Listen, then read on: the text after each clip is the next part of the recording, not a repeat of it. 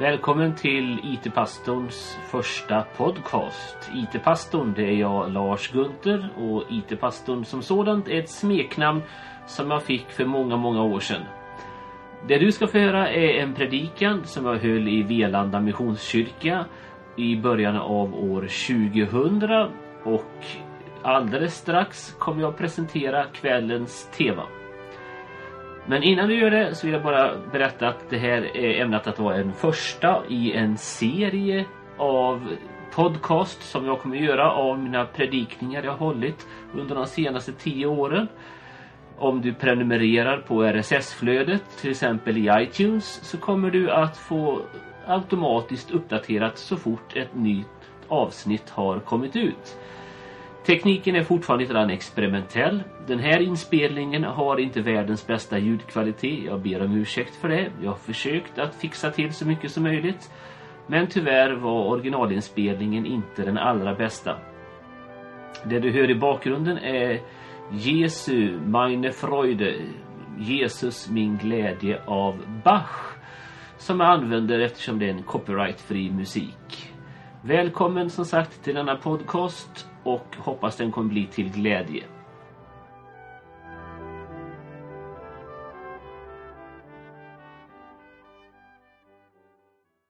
Vad skulle Jesus säga till Ingemar Hedenius? Det är kvällens ganska så pretentiösa rubrik.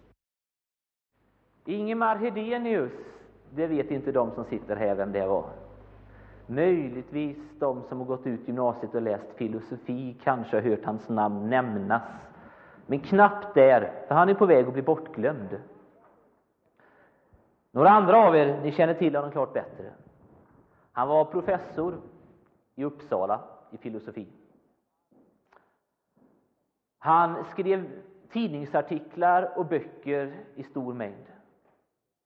Och han vann ett oerhört gehör men mest känd blev han när han 1947 skrev en bok som hette Tro och vetande. Som var en gigantisk uppgörelse med kristendomen. Sen följde han upp den i böcker som Att välja livsåskådning och ett flertal tidningsartiklar annat runt omkring det här. Men kulmen på hans kristendomskritik den kom i en bok som hette Helvetesläran.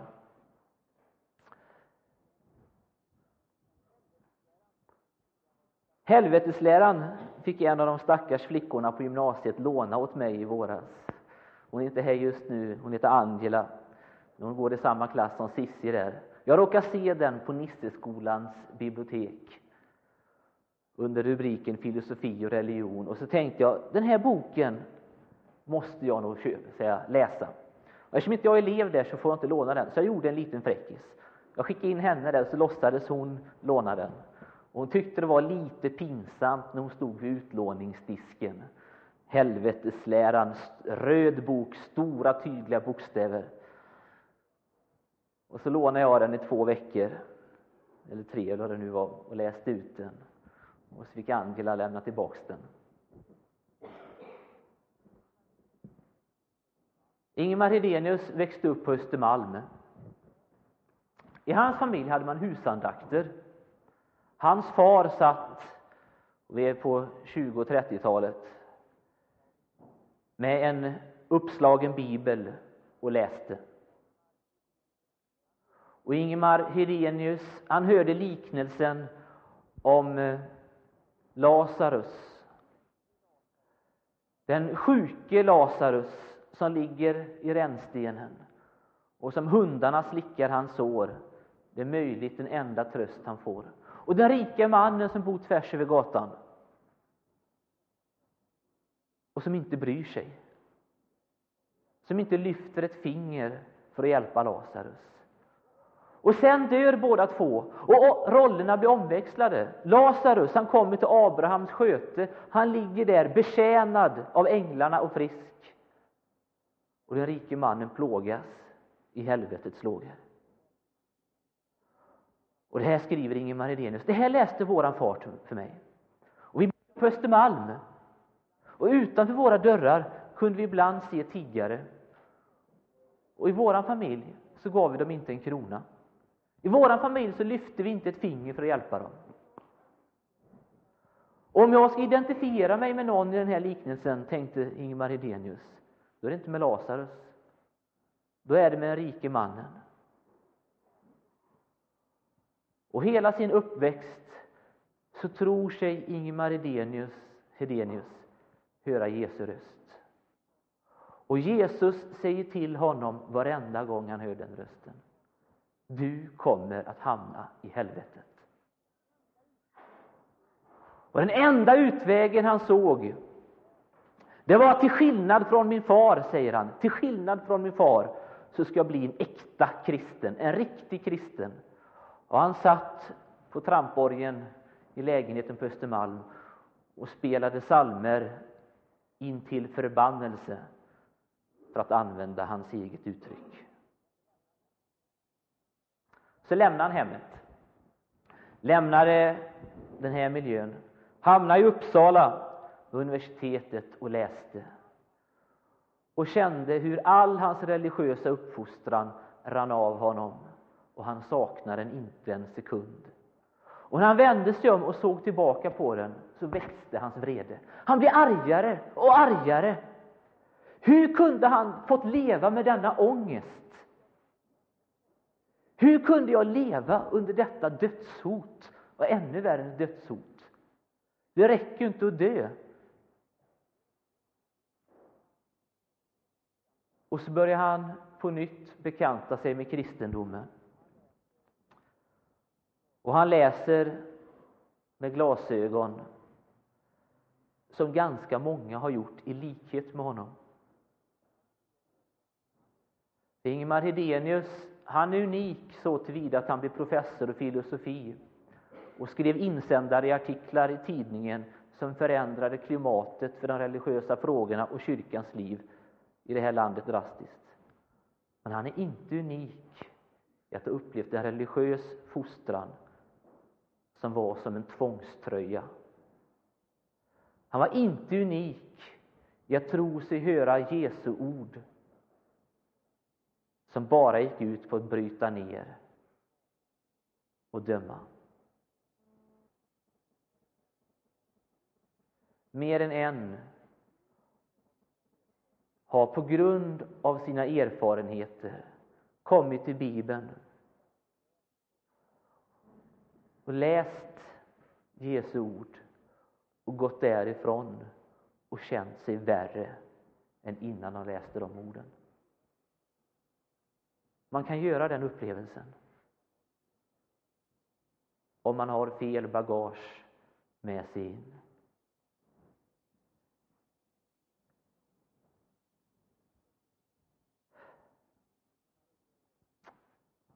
Ingemar Hedenius, han kände vind i ryggen för sina idéer, för sin kristendomskritik. Läser man lite grann den här boken, det är en av hans beundrare, Sven-Ragne Karlsson, har samtalat med honom, så förutspår han att inom en generation så kommer varenda kyrka i landet vara tom.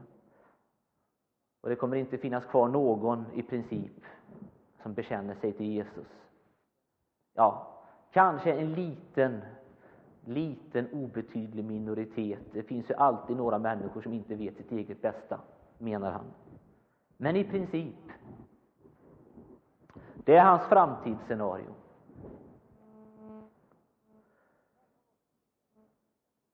Men många av oss som sitter här inne, vi känner inte igen oss i det här. För när vi har mött Jesus och hört honom tala till oss, så har det inte varit fördömelse. Det har inte varit en andlig tvångströja. Utan för oss har det varit som att den tvångströja jag gick omkring i och som band mig, för mig innebar Jesu ord att jag blev av med den. För mig innebar Jesu ord att jag slapp det som band mig.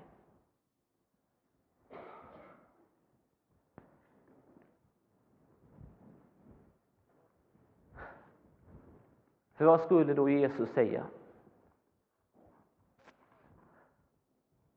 Det första jag tror Jesus skulle säga, det är tack. Tack Ingemar för att du hjälpte till att krossa en kristendom som till namnet är kristendom men till innehållet är precis raka motsatsen till vad jag ville åstadkomma på jorden. Tack att du hjälpte till att krossa den. Det är nämligen inte lätt att vara fiende till Gud. Alla som försöker vara Guds fiender kommer förr eller senare att märka att mot sin vilja har de gått Guds ärenden. Ingmar Edenius försökte krossa kristendomen, utrota kyrkobesökarna. Och det misslyckades han med. Men han lyckades faktiskt förändra vad som sägs i predikstolarna från de som fortfarande står kvar där. Och han lyckades ta kål på en hel del religiös uppfostran som gick ut på att lägga band på istället för att befria. Det är nämligen precis lika dödfött att försöka döda kristendomen som det var att försöka döda Kristus själv. Det var några som trodde att de hade kommit på lösningen. Jesus gick omkring i Palestina och han samlade skaror efter sig och folket var begeistrade över honom. Och de som satt inne med makten, de klarade inte av det. Men de lyckas slutligen sätta sin plan i verket. De lyckas hitta en förrädare i hans egen lärjungaskara. De lyckas övertyga den romerska ockupationsmakten att han förtjänar att dödas. Och han blir uppspikad på ett kors och han dör. Och denna världens härskare tror sig ha vunnit seger. Vad står det i vår bibel? Just där och just då går de sitt nederlag till mötes. Just där och just då, när de tror sig ha vunnit så har de i själva verket bara gått Guds eget ärende. För Ingemar Hedenius var kristendomen någonting som kom med makt och tvingades på människor. Och med jag fattig, syndig människa, idealet som förkunnelse, slog det ner dem mentalt. Och med förtryckarmekanismer utifrån slog de ner på andra sätt. Och han tänkte sig, den dagen jag har berövat kristendomen denna makt, den dagen är den utdöd. Men vad han slåss emot, det är inte den kristen tro, kristna tro som Jesus lämnar efter sig. Han slåss emot, det är all den förvanskning av tron som vi så lätt presterar eftersom vi som tror också är syndiga människor eftersom vi som tror också gör det som är fel. Nej, det går inte att avliva kristendomen. Idag, 50 år efter Ingemar Hedenius bok, så kanske han verkar ha fått rätt vid en hastig överblick över läget i Sverige. Vi är inte så värst många som samlas till gudstjänst en vanlig söndag längre. Men lyfter vi blicken lite, lite grann så ser vi att idag växer tron på Jesus Kristus så lavinartat över världen att det inte finns någon motsvarighet i historien.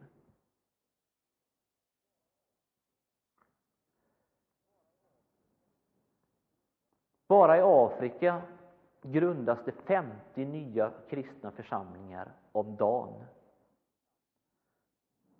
Därför att de församlingarna som finns, de räcker inte till att ta emot alla nyomvända.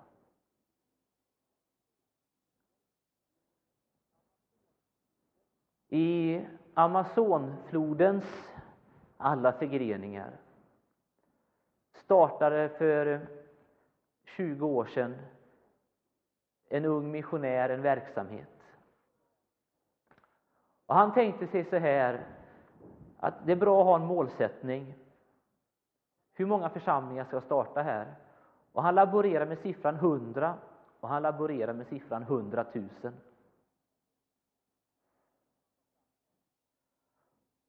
Och han kom fram till att en rimlig målsättning tillsammans med Gud det är att starta 100 000 församlingar i Amazonflodens olika förgreningar.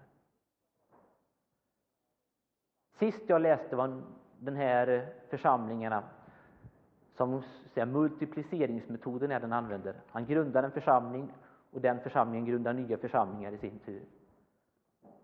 Sist jag läste så var de uppe i 3800 och det var några år sedan.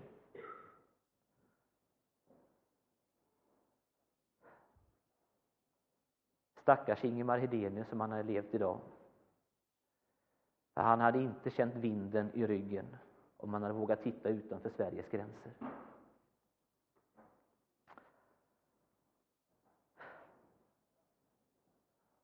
Vad hade då Jesus sagt mer till honom? Jag tror Jesus hade sagt också till Ingemar Hedenius vad han sa till eh, den mest lärda person vi hittar en diskussion med mellan Jesus och då i vår bibel. Nikodemus. De är ju inte riktigt liknande varandra. Jag tror de liknar varandra i det att om Ingemar Hedenius skulle pratat med Jesus då hade han nog varit tvungen att söka sig till honom på natten. Efter allt han har sagt och gjort så hade han nog varit tvungen att söka upp honom i hemlighet om han överhuvudtaget skulle komma på tanken.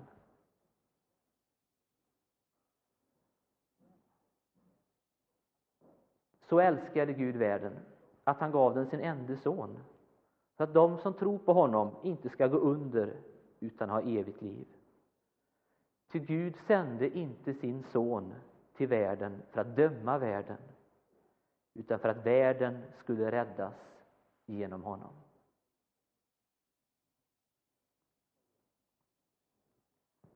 Så sa Jesus till Nikodemus. Så tror jag Jesus skulle säga till Ingemar Hedenius. Din uppväxt så hörde du ord och du trodde att jag sa åt dig att jag ville din undergång. Du trodde att den gudsbild jag förmedlade det var bara att alla som inte tycker som jag, de ska gå åt helvete.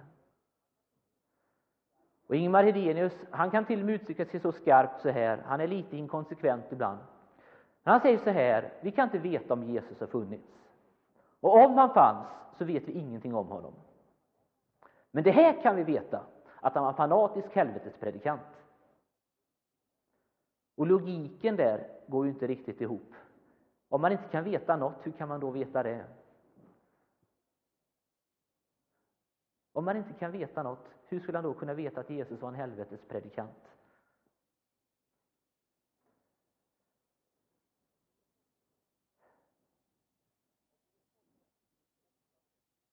Om det går att tolka ett bibelord på åtta sätt så väljer Ingemar Hedenius nästan alltid det nionde, det värsta och det grövsta.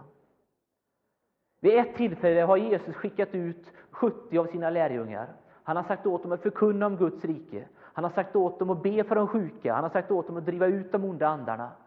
Och de kommer tillbaka och de är helt lyriska. För de har upplevt framgång i sin verksamhet. De kommer tillbaka och säger till Jesus, till och med de onda andarna lyder oss när vi nämner ditt namn. Och Jesus, han blir glad och säger, jag har sett Satan slungas ner ifrån himlen som en blixt.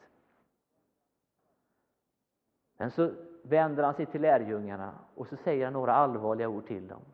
Men gläd er inte över att andarna lyder er. Gläd er över att era namn är skrivna i Låt inte maktberusningen vara det som gör er glada. Gläd er över att ni har evig gemenskap med min far genom mig. Gläd er att er synd bli förlåten genom mitt verk på korset. Gläd er över att ni får tillbringa evigheten i mitt paradis. Vet ni hur Ingemar Hedenius läser den versen? Den här maktberusningen ni kände nu när ni var ute och de onda andarna lyder er, det är väl ingenting. Vänta bara tills ni får döma alla era fiender till helvetet, de som inte tagit emot er. Då blir ni glada. Så lägger han ut den versen. Av åtta möjliga tolkningar så tar han den nionde och värsta.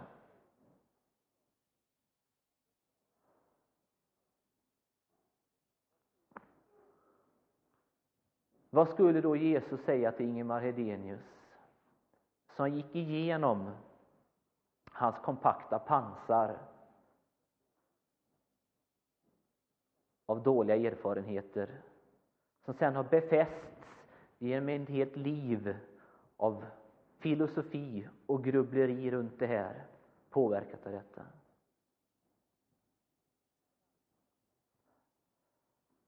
Kanske hade han sagt så här. Sätt dig på en stol och låt mig tvätta dina fötter.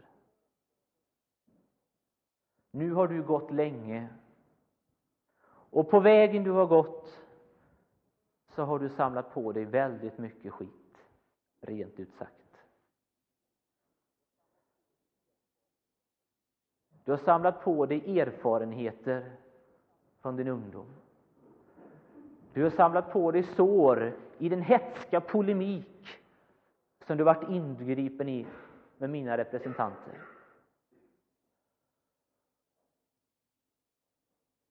Sätt dig på en stol och låt mig få tvätta av detta. Låt mig få tvätta av